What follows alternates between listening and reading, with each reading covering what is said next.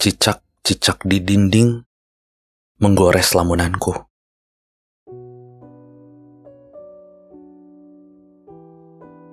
Rayapannya serupa jari-jari kecil yang menari di kepala. Menggelitik, lalu hilang. Jam dinding menggandeng mesra sarang laba-laba. Dekapannya serupa siluman-siluman beringas yang bermain cinta. Menggebu, lalu hilang. Lemari baju beraduk kilap dengan kacanya yang kusam. Pertandingannya semegah para remaja sombong dengan hartanya. Sekejap, lalu hilang.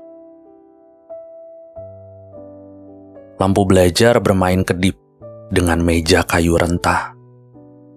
Kerlap-kerlipnya menggoda si tua hingga ubannya jatuh berserakan. Menyilaukan, lalu hilang. Begini ya rasanya. Menggigil di tengah gulita. Aku demam. Kepalaku terbelah menjadi dua. Satu memotret masa depan, dan satunya lagi terbang sampai ke awan. Bibirku kering, gigiku berbaris penuh kuning. Air liurku terjun bebas, menghantam sarung bantalku yang bernoda bias. Rambut-rambut di tanganku menjerit minta lepas. Panas.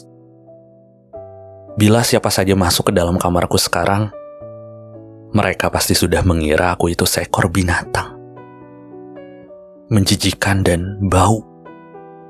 Liar dan berantakan. Aku manusia berbulu yang terkapar merajut pilu. Badanku karam, di balik selimut tua aku bersemayam.